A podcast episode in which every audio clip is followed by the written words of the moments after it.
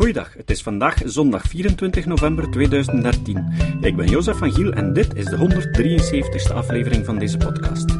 Deze aflevering kwam tot stand mede dankzij Riek de Laat. De muziek is van Nick Lucassen en Emiel Dingemans verzorgt de website en de Facebookpagina. Vandaag horen jullie nog eens een tekst die ik zelf schreef. Het artikel kwam tot stand naar aanleiding van een vraag van de Humanistische Vereniging. Een aangepaste versie van deze tekst is dan ook in het voorjaar verschenen in het tijdschrift Het Vrije Woord van de HVV. Ik breng jullie vandaag en de volgende week de lange versie van dit artikel. De meeste onderwerpen uit deze tekst kwamen al aan bod in eerdere afleveringen, maar ik dacht dat dit een interessante samenvatting kon zijn en dat je ze misschien kan gebruiken voor mensen die normaal niet naar mij luisteren. Je hoort de ganse tekst in twee afleveringen. In deze aflevering zien we hoe onze hersenen ons dikwijls in de steek laten. En in de volgende aflevering zien we dan wat we daar kunnen aan doen. Wat is kritisch denken? We hebben toch allemaal gezond boerenverstand? Gezond verstand is het best verdeelde goed ter wereld. Iedereen vindt dat hij er genoeg van heeft. René Descartes. Over het algemeen hebben mensen er weinig problemen mee om toe te geven dat ze niet goed te been zijn, een minder goed gezicht hebben of minder handig zijn in het klaren van een of andere klus.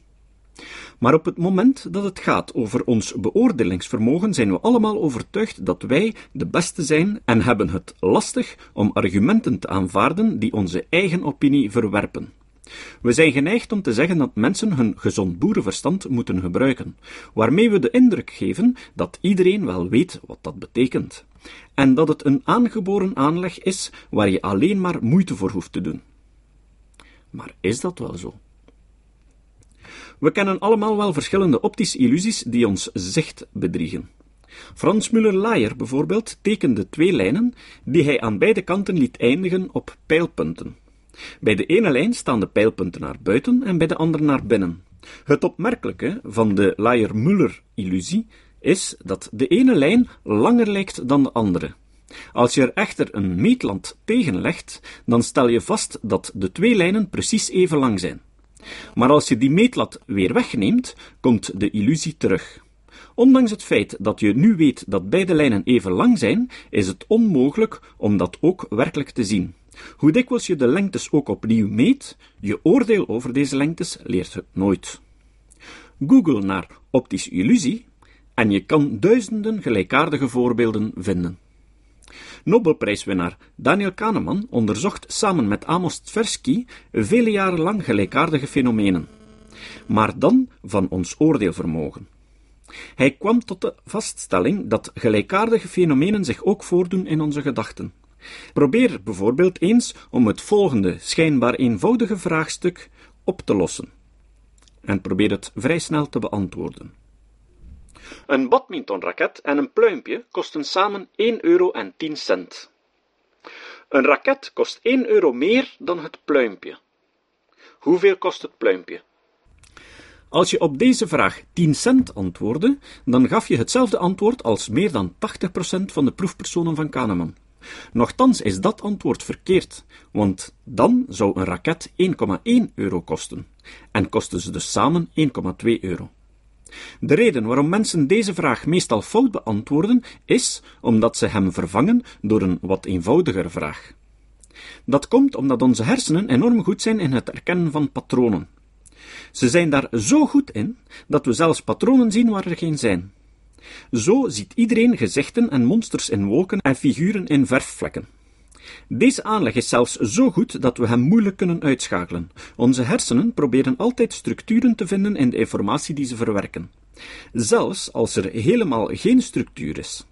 Iedereen kent wel iemand die een ingenieuze manier gevonden heeft om op de lotto te spelen. Een kennis van mij bijvoorbeeld hield een nauwkeurige historiek bij van welke ballen week na week gevallen waren. Dan kruiste hij op zijn formulier de getallen aan die het minst gevallen waren.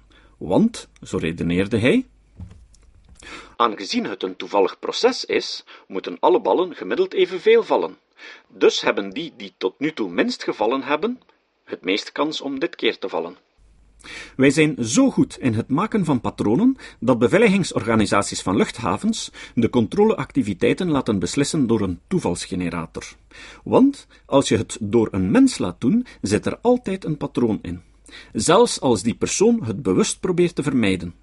En als er een patroon in zit, dan kunnen terroristen dat patroon ontdekken en het te vlug af zijn. Bij gevolg denken we meestal niet via een gestructureerd logisch model, maar wel in termen van vuistregels en stereotypes. Deze manier van denken kan zeer efficiënt zijn in noodsituaties, maar leidt ook tot het ontstaan van illusies en vooroordelen. Zo zijn mensen bijvoorbeeld verschrikkelijk slecht in statistiek. We slagen er moeilijk in om statistieken intuïtief te begrijpen. Een mooi voorbeeld daarvan is het Monty Hall-probleem. Dat gaat zo. Bij een tv-quiz moeten de finalisten nog een laatste spel spelen om de grote prijs te kunnen winnen: een wagen. Monty Hall, een bekende Amerikaanse quizmaster, plaatst de finalisten voor drie gesloten deuren. Achter één deur zit de wagen en achter de twee andere deuren zit een geit. De kandidaten moeten raden achter welke deur de wagen zit. Ze raden een deur. Om de spanning er nog eventjes in te houden, gaat Monty naar een van de deuren die niet gekozen is en opent ze. En daarachter zit een geit. Nu zegt Monty aan de kandidaten dat, als ze willen, ze nog van gedachten mogen veranderen. De vraag is nu: wat is de beste strategie? Bij je oorspronkelijke keuze blijven, van keuze veranderen, of maakt het helemaal niet uit? Intuïtief denkt bijna iedereen dat het correcte antwoord op deze vraag is dat het niet uitmaakt. Maar het juiste antwoord is dat als je van deur verandert, je kans op de hoofdprijs twee derden is, terwijl de kans op de hoofdprijs slechts een derde is als je bij de oorspronkelijke deur blijft. Dana Reilly, professor gedragseconomie aan het MIT, liet mensen kiezen tussen drie verschillende mogelijke abonnementen van een krant. Een online abonnement voor 58 dollar een papieren abonnement voor 112 dollar of een online en een papieren abonnement samen voor 112 dollar. De meeste mensen kozen voor de laatste optie, sommigen enkel voor de online versie. En niet verwonderlijk koos natuurlijk niemand voor de papieren versie alleen. Nu zou je denken dat de tweede optie nutteloos is, dus besloot hij om aan een andere groep hetzelfde aanbod voor te leggen, maar zonder de optie papier alleen. Nu kozen de meeste mensen voor de online versie alleen. De optie met alleen de papieren krant maakte dus de duo-optie veel aantrekkelijker.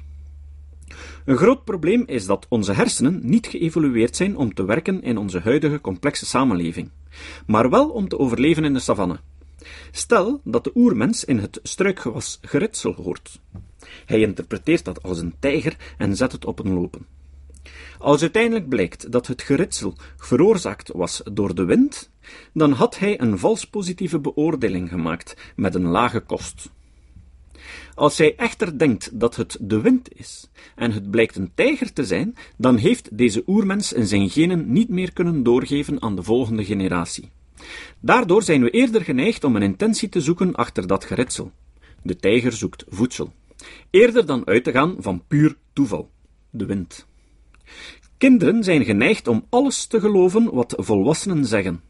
Kinderen die te nieuwsgierig waren en hun ouders niet zomaar geloofden dat ze niet mochten zwemmen in de rivier omwille van de krokodillen, hebben hun genen niet kunnen doorgeven. Daarom ook dat we meer geneigd zijn verhalen te geloven die inspelen op onze angsten. De evolutie heeft er dus voor gezorgd dat we gemakkelijk zonder bewijs geloven wat anderen zeggen, om bij onzekerheid eerder aan te nemen dat er gevaar is en om te denken dat alles wat er gebeurt een intentie heeft. Onze hersenen zijn gemaakt om zo goed mogelijk te overleven en nakomelingen te maken, niet om een vraagstuk op te lossen. Het kunnen oplossen van vraagstukken is enkel een bijproduct van de hersenen. Doordat die hersenen dienen om te overleven, proberen ze voortdurend een model van de wereld te scheppen, zelfs als de gegevens zeer beperkt zijn. Het is belangrijk om zeer snel te weten of een ander te vertrouwen is of niet, want het is mogelijk dat een foute inschatting ervoor zorgt dat je het niet meer kan navertellen. Bij gevolg maken we ons al een beeld van iemand gedurende de eerste twintig seconden van een eerste ontmoeting. Opmerkelijk is dat we bij dergelijke beoordelingen ook van feiten of situaties zeer zelfzeker zijn over onze beoordeling, ondanks de zeer gebrekkige informatie. Het punt is niet dat we veel dingen niet weten, maar dat we zelfs niet weten wat we niet weten. Kahneman heeft daar veel onderzoek naar gedaan en noemde dit fenomeen Viziati. Wat staat voor What you see is all there is. Wat je ziet is alles wat er is. Daarmee bedoelt hij dat mensen een beslissing nemen op basis van een beperkt aantal gegevens die toevallig op dat moment in hun geest opduiken. Daarbij zijn ze er zich niet van bewust dat ze andere, mogelijk belangrijke informatie niet gebruiken.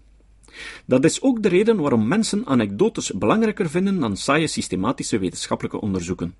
Als iemand je vertelt dat hij genezen is omdat hij therapie Huppeldepup volgde, ben je geneigd om daar meer geloof aan te hechten dan een systematisch wetenschappelijk onderzoek waaruit blijkt dat de therapie Huppeldepup niet werkt. Dat getuigenverslag kan je je levendig voor de geest halen. Bovendien wordt het versterkt door onze neiging overal oorzakelijke verbanden te zoeken, zelfs als die er niet zijn. Waarom? Omdat als je de oorzaak van dat geritsel bij de tijger legde en het was verkeerd, dan had je je alleen even moeten inspannen. Als je dat oorzakelijk verband niet had gelegd, het was een tijger, dan was je er niet meer. Onze hersenen zijn dus gemaakt om te overleven in die realiteit, niet om de realiteit te begrijpen. Het probleem is dat deze manier van denken niet geschikt is om betrouwbare informatie op te bouwen. Het is alleen goed om je kansen op overleven in de wildernis te verhogen. Bij een getuigenis van een genezing weet je helemaal niet hoeveel mensen er zijn die hetzelfde probleem hadden, dezelfde therapie volgden en niet genazen. Deze situatie is te vergelijken met die waarbij je mensen met dobbelstenen laat gooien. Telkens iemand een zes gooit, mogen ze daar verslag van uitbrengen, anders niet. Als iemand die niet vertrouwd is met dobbelstenen zo'n verslag ziet, dan denkt hij dat dobbelstenen alleen zes gooien. Een objectief onderzoek naar het gedrag van dobbelstenen is pas objectief als elke worp gerapporteerd wordt, ook de niet-zessen. Of als men een willekeurige keuze van de worpen maakt, onafhankelijk van het resultaat. En dat is precies wat men in dubbelblind gerandomiseerd medisch onderzoek doet. Het citaat. Het citaat van vandaag komt van Jerry Coyne. Jerry Coyne is een gerenommeerd evolutiebioloog en auteur van het boek Why Evolution is True. Hij heeft ook een blog met dezelfde naam. Coyne zei: Zoals Victor Stenger altijd aangeeft, is de afwezigheid van bewijs bewijs van afwezigheid als de bewijzen daar zouden moeten zijn.